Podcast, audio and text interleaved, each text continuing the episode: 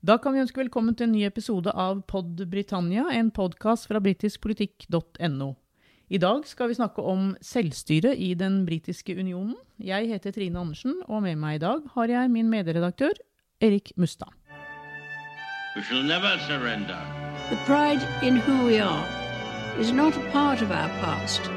It defines our present and our future. The people of Scotland have spoken. England, Scotland, Wales, Northern Ireland together, taking us forward, unleashing the potential of the whole country. Ja, Erik, nå under pandemien så har vi fått eh, mange spørsmål om hvorfor ikke Boris Johnson kan eh, bestemme gjenåpningstakten i hele Storbritannia. Han eh, har tydeligvis lite å si i Skottland, Wales og Nord-Irland. Hvorfor er det sånn? Ja, og Det er nok waliserne og nordirerne og skottene veldig glad for. For selv om Boris Johnson er statsminister for hele Storbritannia, så er det altså selvstyre i de tre nasjonene som har råderett over dette som har med åpning og lukking å gjøre i forhold til pandemien. Så det betyr at det er førsteministeren i Skottland, Nicola Sturgeon, som vi har snakka om mye før i våre podkaster. Det er førsteministeren i Wales, og det er førsteministeren i Nord-Irland, som da egentlig sammen med sine respektive regionale regjeringer bestemmer om åpning og lukking i forhold til smittevern, tiltak osv. Uh, og Sånn har det vært under hele pandemien. Ja, Er det fordi de har selvstyre for alt som gjelder helse? De har selv, selvstyre på bl.a. helse. Uh, de har selvstyre på utdanning, på transport, på den økonomiske politikken. Skottland har et parlament. og det skal i disse selvstyresakene sidestilles med det britiske parlamentet, selv om det britiske parlamentet er overordna det skotske. Det er litt komplisert dette, men i f.eks. inntektsskattsspørsmål så har det skotske parlamentet muligheten til å øke inntektsskatten for skattebetalere i Skottland eh, mens ikke det vil påvirke skattebetalere i England f.eks. Så eh, eh, folkeforsamlingen i Wales og folkeforsamlingen i Nord-Irland de har ikke disse fullmaktene. Så her har det litt med å si hvor stor eh, hvor stort selvstyre de, de tre nasjonene har, eh, Skottland, Wales og Nord-Irland. Og eh, Dermed så er det litt forskjellige bestemmelser i de tre folkevalgte kamrene. For det skotske parlamentet er et parlament, de to andre er folkeforsamlinger. Og det betyr at de har litt lavere status politisk. Men dette er jo ikke noen gammel ordning. Altså, det kom en lov i 1998 som da ga selvstyre til, på da noen områder, som du sier, til, ja. til, Wales og Skottland. Parlamentene i Cardiff og Edinburgh åpna i 1999. Hva var egentlig bakgrunnen for det? Bakgrunnen var at uh, Storbritannia uh, hadde vært veldig sentralstyrt gjennom det 20. århundret. Uh, og her var det politiske motsetninger mellom de konservative og Labour. Labour mente man skulle flytte beslutninger nærmere der folk bodde, mens de konservative mente at det å være sentralstyrt var mer effektivt.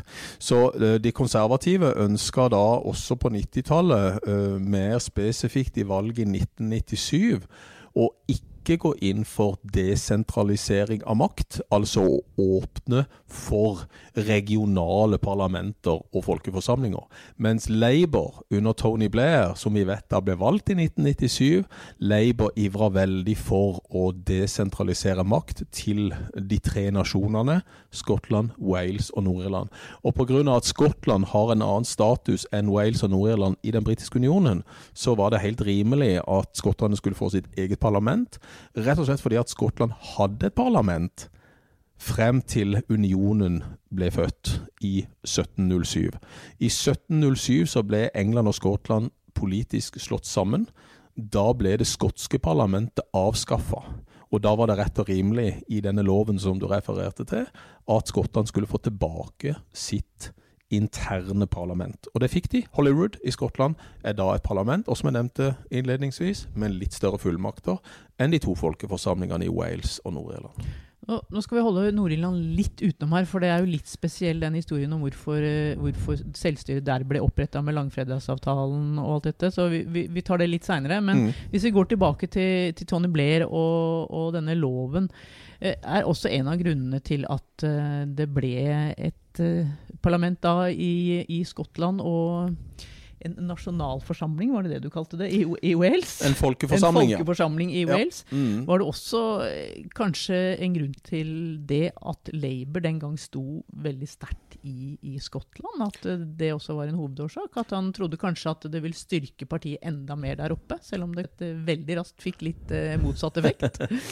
Ja, det, det er helt klart at det var en politisk baktanke. Og Tony Blair arva egentlig dette spørsmålet etter John Smith, som var tidligere Labour-leder. Han som var Labour-leder før Tony Blair. John Smith døde eh, på nokså tragisk vis, som gjorde at Blair overtok eh, partilederkrakken. Eh, og vant da eh, parlamentsvalget i 1997 med den største marginen i britisk politisk historie. Og vi vet jo at Labour sto sterkt i Wales og Skottland. Eh, mye sterkere enn i England. Eh, og dermed så var det et politisk motiv eh, for å gjøre dette, i tillegg til dette demokratiske perspektivet at Storbritannia hadde vært sentralstyrt veldig lenge. Alle beslutninger var egentlig tatt av parlamentet i London, som omhandla Nord-Irland, som omhandla regionale Wales, og som omhandla Skottland. Så Labour eh, så sitt snitt her til å øke oppslutning enda mer i disse områdene, og styrke seg i eh, periferien, som vi kaller det, eh, på bekostning av de konservative. Men det var også et annet eh, motiv fra Labour, og det var jo at de så på dette som en måte å bevare unionen på. At dette ikke ville nøre opp under uavhengighetskamper i Wales eh, og i Skottland, og for så vidt også i Nord-Irland, men nå holder vi Nord-Irland utenom. Eh, mens de konservative da også ønska å bevare unionen. Eh, men de mente på den andre siden at det filosofiske ville være riktig å ikke desentralisere makt til Skottland og Wales, fordi at de tenkte at dette var da første steg mot uavhengighet. At hvis man ga de lillefingeren i Skottland, så ville de ta hele hånda. Altså gjennom et regionalt parlament vil de be om full selvstendighet. Og det ser vi jo at de har gjort. Så selv om det demokratisk var positivt å argumentere for at beslutninger skulle tas nærmere der folk bodde. Eh, for det er helt åpenbart den demokratiske politiske bakgrunnen for at Labour gjorde det de gjorde på 90-tallet. Men så ser vi også at de konservative delvis fikk rett, i Skottland spesielt, eh, fordi at eh, Hollywood det interne parlamentet i Skottland ble brukt som en slags sånn stepping stone for SNP, det skotske nasjonalistpartiet, som da har gått veldig hardt inn for å få selvstendighet, og fikk da en avstemning i 2014. Ja, og, og, vi ser jo det at uh, altså Hollywood ble jo åpnet da i 1999, som vi sier. Men allerede altså åtte år seinere, i 2007, så satt SMP med regjeringsmakten de etter å ha vunnet med én representant, uh, så vidt jeg husker, Ja. i, uh, i det skotske valget den gangen. Mm. Og det, er jo litt en, det har jo vært litt av en plattform da, for SMP-parlamentet der. Og vi, vi ser jo nå at nå, i det valget vi hadde i mai, så fikk jo SMP da manglet jo bare én representant faktisk til å få rent flertall i, i, i det skotske parlamentet. Så, så Labour tok jo litt feil der når det gjaldt at de ikke skulle nøre opp under selvstendighetstrangen. At, var- at det skulle være motsatt, dette her. Ja, dette er nok et litt mer komplisert bilde enn det vi kanskje ser eh, på overflaten. Fordi at eh, eh, siden Margaret, Margaret Thatchers tid på 80-tallet, så eh, var det veldig få i, i Skottland som stemte konservativt. De hata det konservative partiet fordi Thatcher lukka mye gruver i Skottland. Det ble stor arbeidsledighet i Skottland, stor fattigdom i Skottland. Eh, og da kan du si at alle de velgerne eh, tenderte mot Labour. Men de som tenderte mot Labour på 90-tallet, gjennom slutten av 80-tallet og inn på 90-tallet, de konverterte jo til SNP på 2000-tallet. Så Labour mista dette fotfestet som de egentlig ønska å forankre delvis gjennom denne loven. Og, og i eh, Skottland er det sånn at en klar majoritet stemmer enten Labour eller SNP. Og dette kan godt springe tilbake igjen til Labour, fordi at eh, i sosialpolitikken så er SNP og Labour veldig like. De er et venstrevridd sosialdemokratisk parti, SNP, i sosialpolitikken, men de har dette overordna uavhengighetsspørsmålet som egentlig limer hele partiet sammen. Labour har veldig mye av det samme sånn rent politisk. Så her kan, kan vi se i, i, eh, i, tida som kommer, svingninger tilbake igjen til Labour, eventuelt. Fordi at veldig mange i Skottland velger enten SNP eller Labour. Og det er jo den majoriteten, for å si det sånn, som Nicola Sturgeon og SNP har nytt godt av i de siste valgene, og da har egentlig klart noe som det politiske systemet i Skottland ikke skulle åpne for, nemlig flertallsregjeringer. Og Det sies vel at uh, hvis sir Kir Starmer skal kunne vinne det neste valget i 2024 mot Boris Johnson, så må han ha framgang i Skottland? Ja, han må ha fremgang i, uh, i England, uh, fordi at det er klart flest valgkretser i England. Pga. den tette befolkningen vi har i England. Vi har ca. 55 av de 66 millionene i unionen finnes i England. Det betyr at eh, når det er ca. 70 000 pluss per valgkrets, så eh, betyr det at han også må ha en meget sterk fremgang, spesielt i Nord-England. Men han må også ha store deler av Skottland med seg. Alle Labour-valg historisk eh, har vist at eh, Labour har da tatt majoriteten av de skotske eh, valgkretsene. Eh, Wales har de rimelig god hånd om enda. Eh, det spekuleres i om i Wales at eh, Plaid Cymru, som er det nasjonalistiske partiet i Wales, vil få større oppslutning på bekostning av Labour der også. Men at Wales ligger en 15-20 år bak Skottland i forhold til uavhengighet og dette nasjonalistiske spørsmålet. Eh, så det blir spennende å se hva som skjer i Wales. Men eh, hvis Labour skal vinne, da må de ha gode fotfester både i Wales, Skottland og ta flere av valgkretsene i England. Men i Wales, er det realistisk å snakke om et selvstendig Wales? Nei, det er nok ikke det. For Wales var aldri et selvstendig land, sånn som Skottland var. Da de kom inn i union med England på 1500-tallet. Da var det fyrstedømmer rundt forbi, det var spredte ledere klaner. Eh, så det, det, har aldri vært en selvstendig stat, Wales. Så det er vel få som tror at eh, Wales vil kunne være rusta både institusjonelt, politisk, økonomisk til å stå på egne bein. Så hvis når Skottland skulle få en ny folkeavstemning, og majoriteten av skottene ønsker å gå ut av den britiske unionen, eh, og unionen skulle smuldre bort, så vil man kanskje tro at Wales ville gå med England, sånn som de historisk har gjort. Men det vet man jo ikke. Men uh, mye tyder på det nå, iallfall. Men skal vi vende litt tilbake til Nord-Irland, Erik. Det, det er også en provins ja. En, det er 100 år i år. Ble mm. oppretta i 1921. Mm. Og hadde vel da et eget parlament inntil uh, The Troubles. Mm. Og, og, så har det altså fått uh, et nytt, litt, litt, annet parlament igjen etter langfredagsavtalen i uh, eh, 1998. Kan du forklare litt om hva som, som, ligger, som er bakgrunnen der oppe? Ja, det er et litt spesielt system i Nord-Irland. Og dette henger jo sammen med at identitetsmessig så er det flere identiteter i Nord-Irland. Vi snakker ofte om katolikker og protestanter, og vi snakker om unionister eller nasjonalister, og vi snakker om lojalister og republikanere. Det er en vifte av forskjellige identiteter som, eh, som finnes i Nord-Irland, og noen eh, noen går uh, identitetsmessig mot Storbritannia, mens andre identitetsmessig går mot Irland. Uh, så Nord-Irland har et litt spesielt system. Men da Nord-Irland ble oppretta i 1921, så var jo det både økonomiske, politiske og sosiale grunner. Uh, men veldig ofte så sies det at det var for å gi en, en stat til det protestantiske flertallet i den nordlige regionen på den irske øya. Eh, og ehm, det betydde at eh, Irland tredde ut av unionen og ble selvstendig i 1921 og Nord-Irland forble britisk. Og London-parlamentet ønska det sånn å eh, opprette et parlament i Nord-Irland som heter Stormont, for å holde de politiske beslutningene vekk fra London. For de var lei av irske parlamentarikere som stakk kjepper i hjulene for det liberale partiet, som det den gang var, og det konservative partiet. Så de oppretta rett og slett Stormont for å holde nordirsk politikk på en armlengdes avstand. Dette var en protestantisk stat med et protestantisk flertall.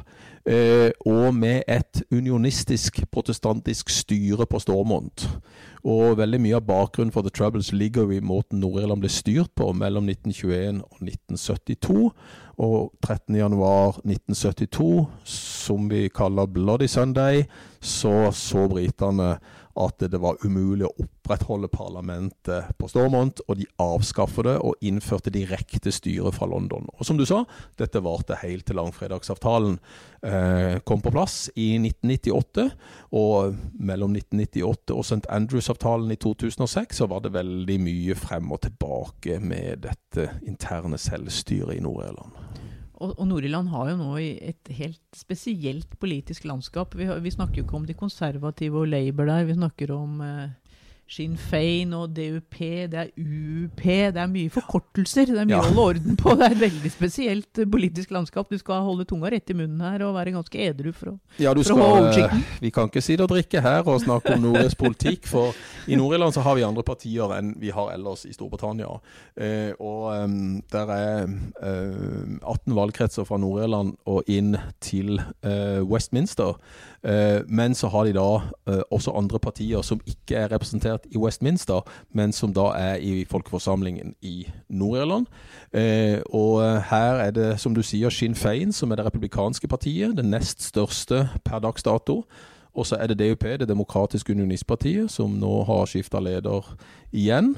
Eh, Så vi har mye turbulens i nordisk politikk, sånn partipolitisk.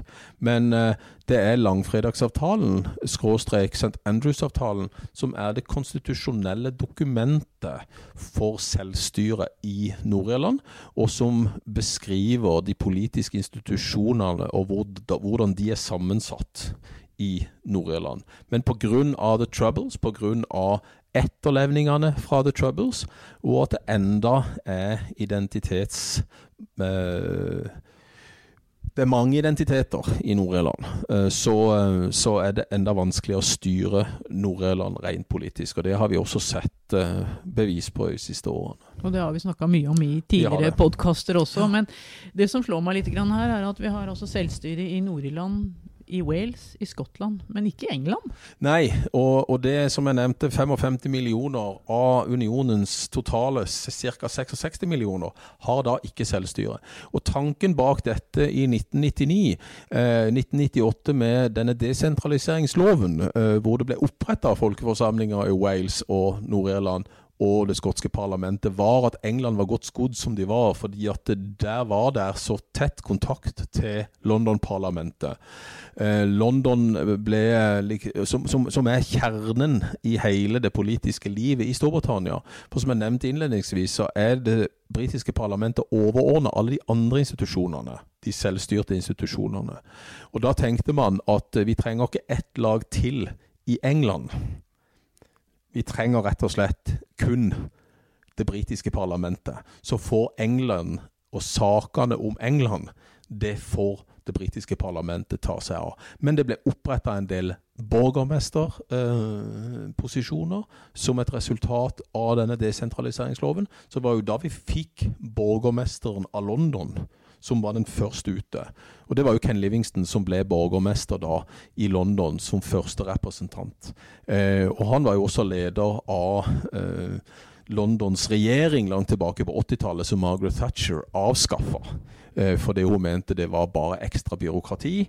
Og eh, The Great London Council, som det het den gang, det ble avskaffa eh, og lagt helt bort, helt til denne desentraliseringsloven kom i 1998, hvor da de store byene hadde blitt utpekt eh, som eh, borgermestervennlige. At de skulle ha sin egen politiske borgermester.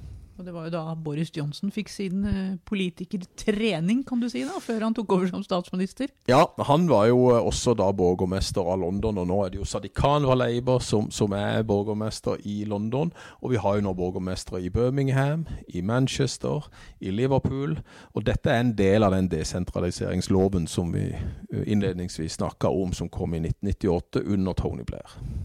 Ja, men, eh, men hva tror du, Erik, om ja, skal vi si 20 år? Har vi da et selvstendig Skottland, et forent Irland og et uh, England-Wales?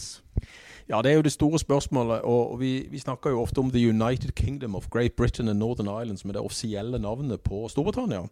Eh, og vi snakker jo da eh, mye nå om The Disunited Kingdom, fordi at vi har sett sterke polariseringer. Vi har sett det som kanskje Labour ikke trodde kom til å skje, at eh, uavhengighets Eh, vokste frem, både i Wales og spesielt i Nord-Irland. Og vi har hatt én folkeavstemning i 2014 i Skottland.